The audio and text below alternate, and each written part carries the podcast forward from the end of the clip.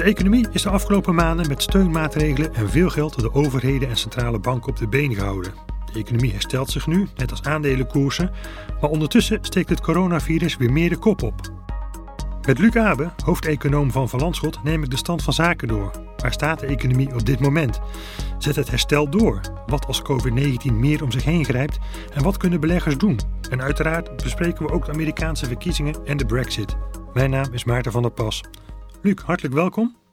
Dag Maarten. Ja, Luc, ja, en we spreken elkaar uh, via Skype, omdat we niet met elkaar in één studio uh, kunnen zitten. Luc, ja, om met die, ja, om met die economie te beginnen, hè, waar staat de economie nu op, op dit moment? In onze vorige podcast in mei hè, zei je dat het coronavirus als het ware een atoombom op de economie had geworpen. Hè. Zo heftig was de impact. Nou, de, de paddenstoelwolk lijkt me inmiddels opgetrokken, maar zitten we nog met de puinhopen en de radioactieve straling? Ja, uh, als je kijkt naar de voorbije weken en maanden, ja, het herstel tot nu toe is misschien net iets sneller verlopen dan we, dan we gedacht hadden, of we of in ieder geval gevreesd hadden. Hè. Je hebt de heropening van, een, uh, van, van de economie in gehad. Mm -hmm. uh, je zag dan wel de voorbije weken een tweede golf qua besmettingen opduiken. Maar dat is tot nu toe eigenlijk een golfje gebleken met veel, minder, veel minder slachtoffers tot nu toe.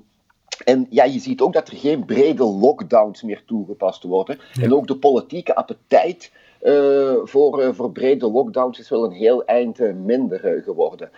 Dus dat is, dat is goed. Anderzijds, ja, het laaghangend fruit van het herstel, dat lijkt toch wel voor een, voor een stukje geplukt. Hè? Een van de belangrijke drijvers, motoren achter het herstel van de voorbije maanden, was de consumptie in heel veel landen is die consumptie ja, bijna volledig hersteld, of meer dan uh, volledig hersteld. Niet in elke sector natuurlijk, maar opgeteld. Hè. En dat zal een heel belangrijke parameter worden voor, voor de komende maanden. Hè. Kan die consumptie op peil blijven? En dan vraag je je eigenlijk, of dan stel je eigenlijk ook de vraag: wat met die arbeidsmarkt? Ja. Die, die, die consument is ondersteund door overheidsbeleid. Uh, ondernemingen zijn ook ondersteund door overheidsbeleid om toch maar die werknemers in dienst te houden, via deeltijdse uh, arbeid uh, bijvoorbeeld.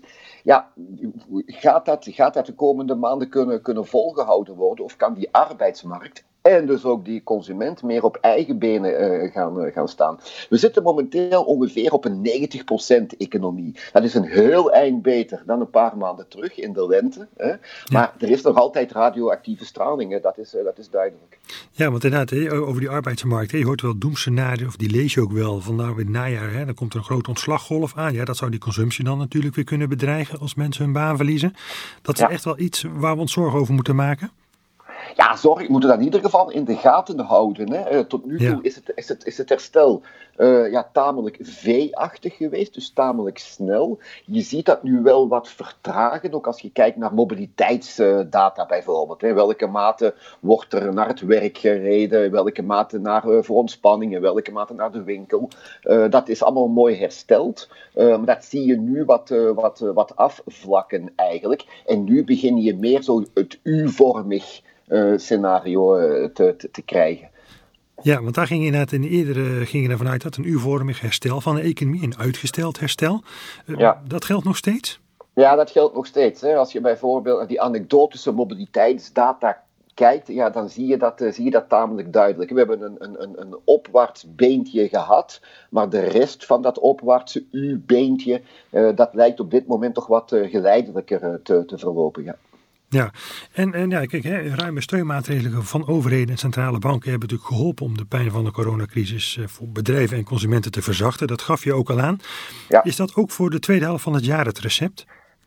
Ja, heel veel hangt natuurlijk af uh, van, van het virus, van overheidsmaatregelen, in welke mate die economie op eigen benen kan, of meer op eigen benen kan uh, gaan staan. Maar in ieder geval de steun, zowel vanuit centrale banken als vanuit begrotingsbeleid. Het is belangrijk dat die voldoende lang wordt aangehouden. Het is een beetje zoals antibiotica uh, nemen. Ja, daar moet je ook heel je kuur uitnemen. Mag je ook niet halverwege stoppen als je je al wat, wat beter voelt. Hè. Hetzelfde geldt, geldt hier. Als je dan kijkt naar de centrale banken, ja, die, die hebben eigenlijk al aangegeven van jongens, wij houden dat geldbeleid nog heel lang heel ruim. Hè. De, de bijna legendarische woorden van, van meneer Powell, de baas van de Federal Reserve, die mhm. een paar weken terug zei, we denken er zelfs niet aan om aan renteverhogingen te beginnen denken. Hè. Ja, dat zegt al uh, genoeg. Dus dat, zegt, uh, dat zegt genoeg.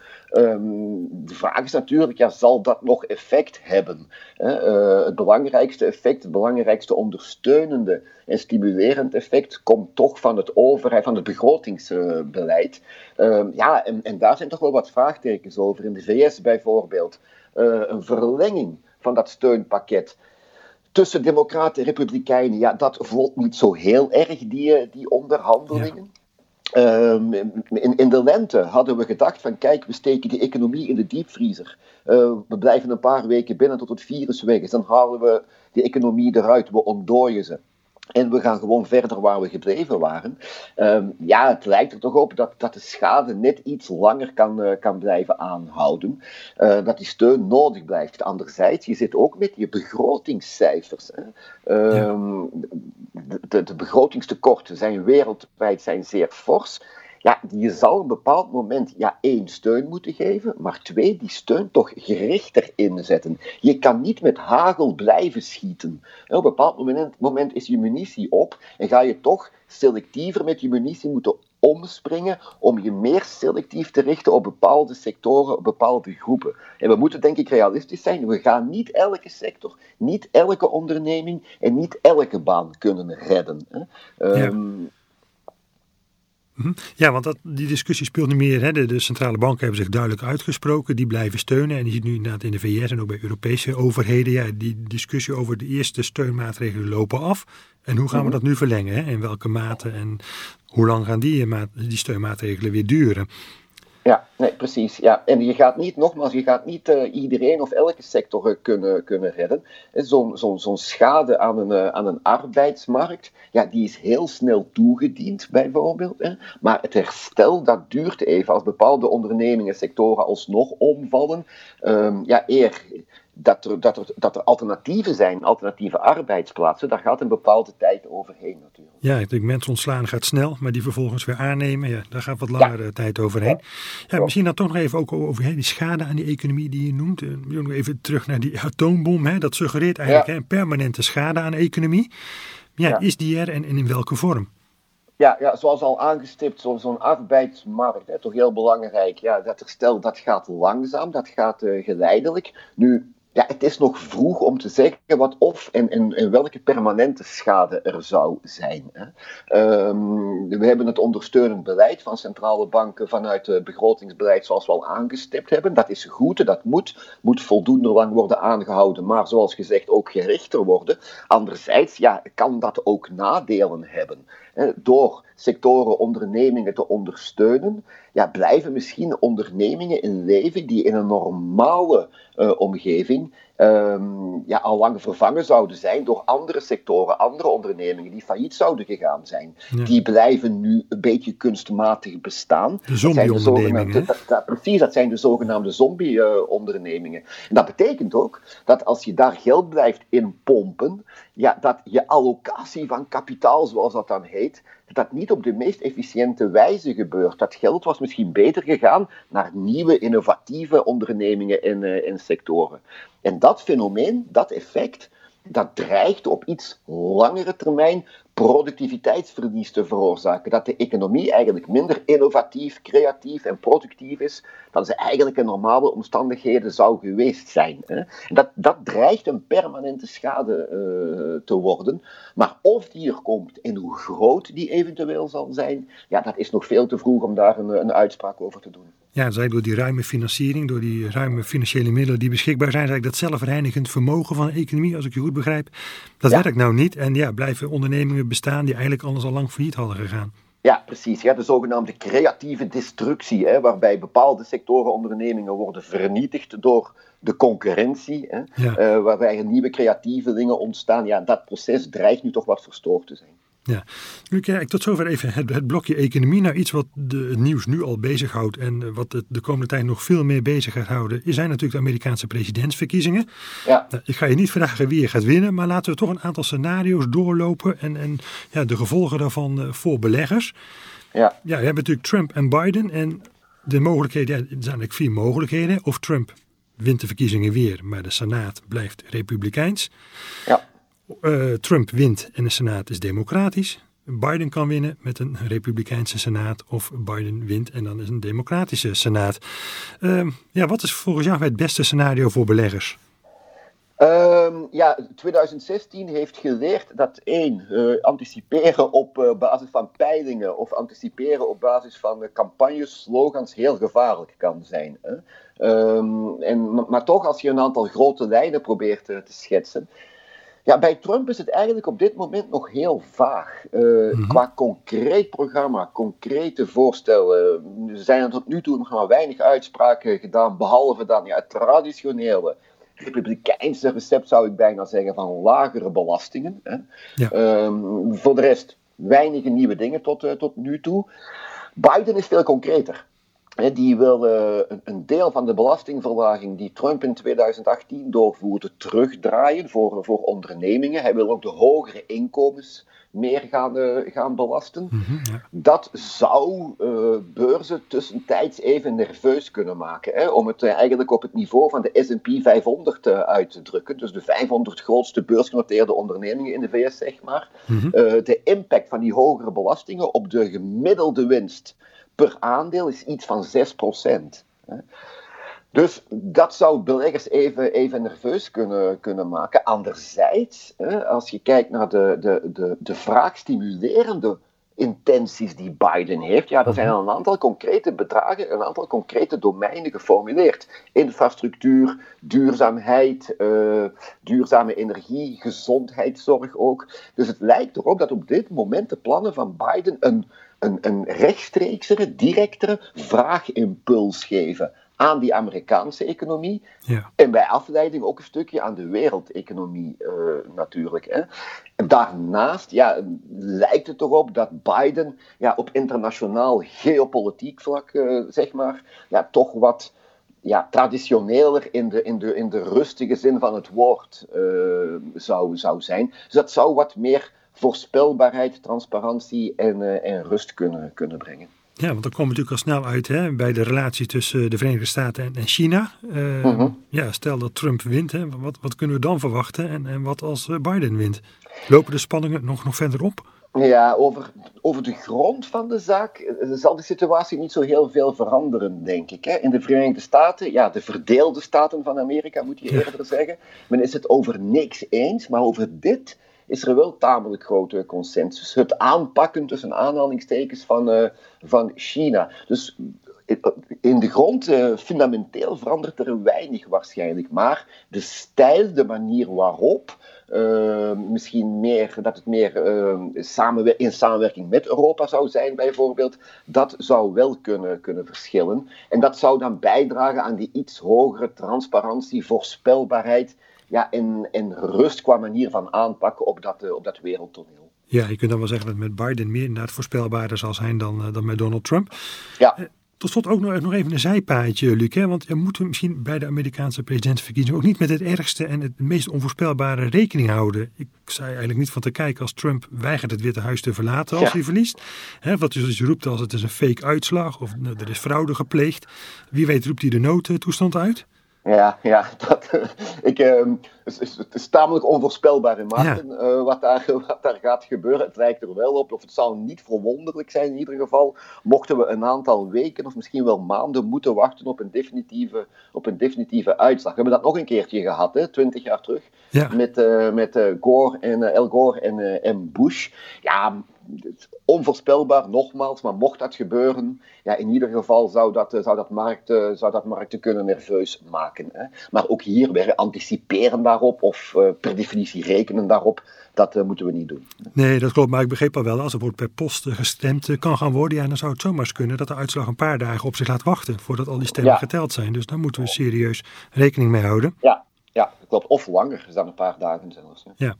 Even iets anders, Luc, waar het eigenlijk op dit moment overdovend stil over is. Dat is de Brexit. Hè? En als ik me goed herinner, zitten de onder, onderhandelingen met, uh, tussen de Europese Unie en het Verenigd Koninkrijk muurvast. Nou, Britse premier Johnson heeft zich ingegraven met de opmerking dat hij in ieder geval geen overgangsfase, dat hij die niet wil verlengen. Hè? En per se per 1 januari volgend jaar uit de EU wil. Wat doen we met de Brexit? Ja, dat is een beetje ondergesneeuwd hè? Door, ja. uh, door COVID, door uh, Trump, China, Verenigde Staten.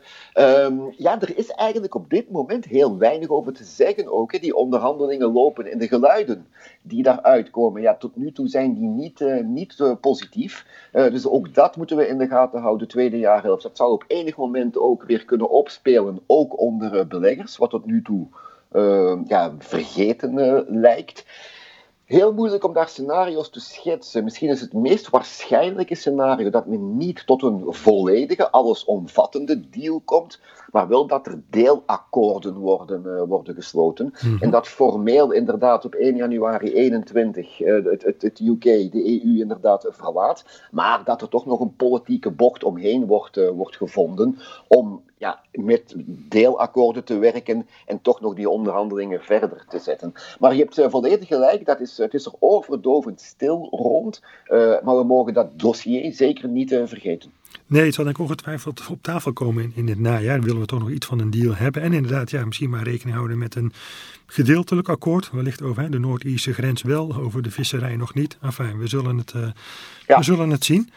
Ja. Um, nu zijn beleggers uh, natuurlijk de afgelopen maanden ook enorm vooruitgelopen, Luc, hè, op het herstel van de economie. Hè. Dat heeft geleid hè, tot vlotte koersstijgingen en, en hoge waarderingen van aandelen. Ja. Is die situatie nog houdbaar? Hè? Dat, dat zo ver vooruitlopen op de economie, uitgaan van nou dat herstel dat komt wel en dat zal zich doorzetten? Ja, het klopt inderdaad dat beurzen, of de beursindexen in ieder geval, een fors herstel hebben, hebben laten zien. Anderzijds moeten we dat ook wel een beetje kaderen en, en nuanceren. Kijk naar de Verenigde Staten bijvoorbeeld, waar het herstel op indexniveau ingehaald is, zelfs meer dan uh, ingehaald, uh, de Nasdaq mm -hmm. bijvoorbeeld.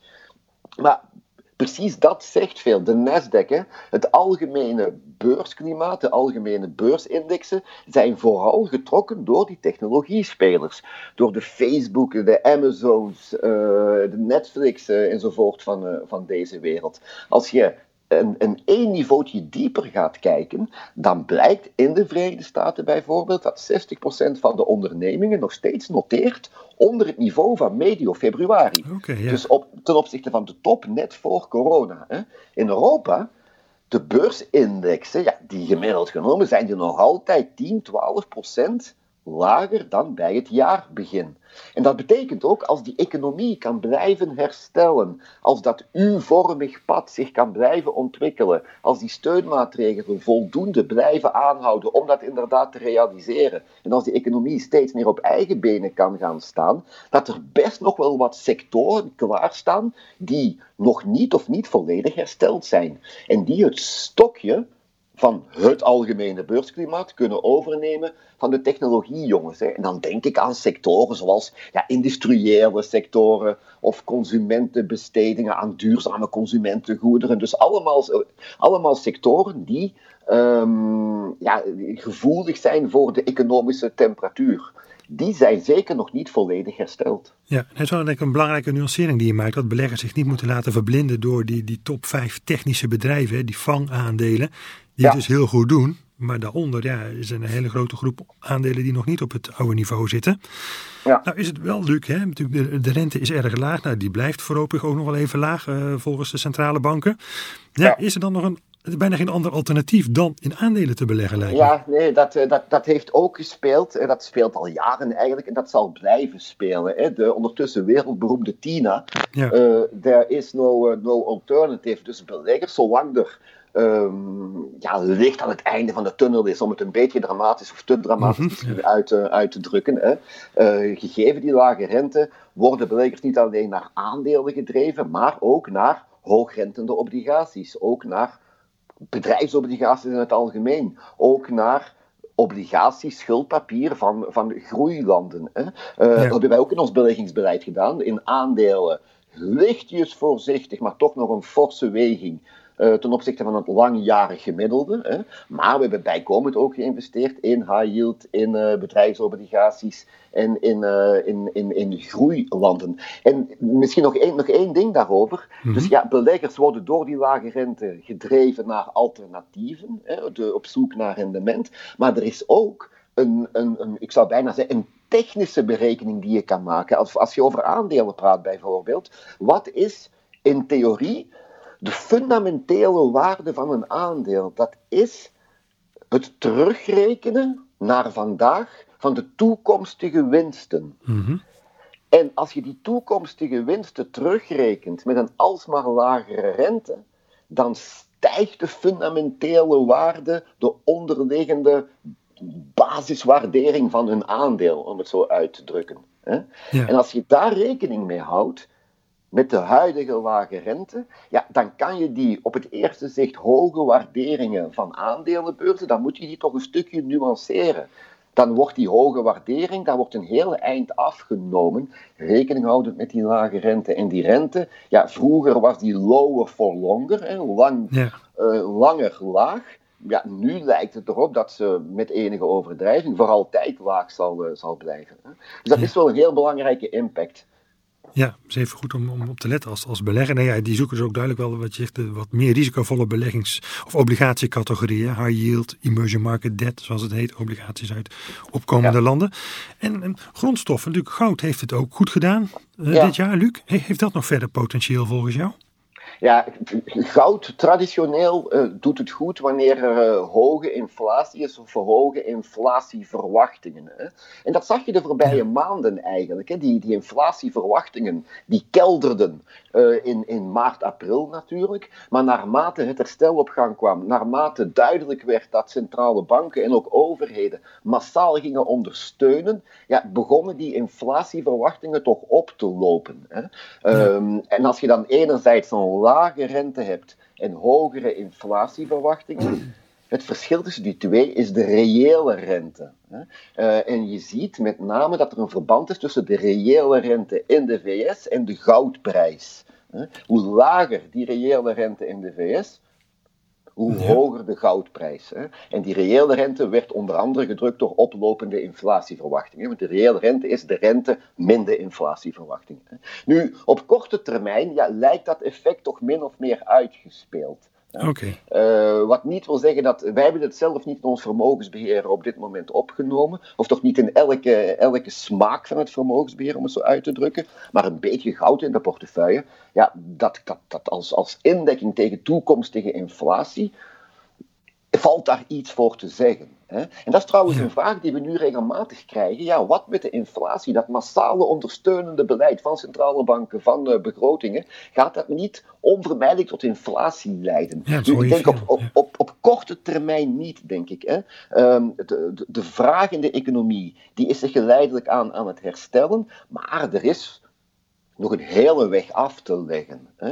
Dus Ja. eh, dat, dat U-vormig scenario, we zijn nog niet opnieuw aan het oude, aan het oude niveau. En zolang dat proces nog loopt, is de kans op, op hogere of fors hogere inflatie is niet zo heel groot. Maar op langere termijn is het wel een factor die we in de gaten moeten houden. Als dat ruime monetaire beleid, en met name dat ruime begrotingsbeleid, langer wordt aangehouden dan eigenlijk nodig, ja, dan Mhm. zou die inflatiedruk kunnen, kunnen oplopen. Maar ik denk dat is iets voor, laten we zeggen, binnen anderhalf, twee, tweeënhalf jaar. ja, echt pas eh, ja, wat verder in de toekomst. Ja. Ja, tot slot Luc, wat kun je beleggers nog meegeven? Ja, eh, misschien een, een, een cliché zo hoog als een huis. Eh, maar misschien toch even, toch even Ja, aanstippen. noem maar maar. Kijk, eh, ja, een vooruitblik in de huidige omstandigheden. We hangen in sterke mate af van ja, iets, toch iets ongrijpbaarder, het virus. Hè, en ook in Ja. welke mate ja, komt er al dan niet een medicijn, komt er een vaccin? Wat gaat de reactie van overheden zijn bij een, eh, bij een eventuele tweede golf? Dus het herstel tot nu toe is sneller verlopen dan verwacht. Het, het, maar het is een, een fragiel. Hè? Net vanwege die ongrijpbare factor waar je in belangrijke mate van, eh, van afhangt. Ehm, een tegenslag kan het herstel teniet doen. Anderzijds, anderzijds ja, stel dat uh, een tweede golf meevalt, dat er geen grote lockdowns meer, uh, meer moeten komen, dat uh, het verloop, de evolutie op het niveau van een vaccin voorspoedig verloopt, ja, dan kan het even goed de andere kant op gaan, dat het herstel sneller op een bepaald moment een versnelling krijgt. Ja, bedankt voor je visie op de economie en op beleggingscategorieën. En het is wel duidelijk dat de coronacrisis nog steeds veel onzekerheden met zich meebrengt voor beleggers. En het staat of valt met de beschikbaarheid van de medicijn en overheden die de economie moeten blijven stimuleren. Het blijft voor beleggers belangrijk om vast te houden aan hun beleggingsdoel en lange termijnstrategie. Tussendoor kunnen ze bijsturen en doen er zich wel degelijk beleggingsmogelijkheden voor. Daarover kunt u overleggen met uw beleggingsadviseur. Dank u voor het luisteren.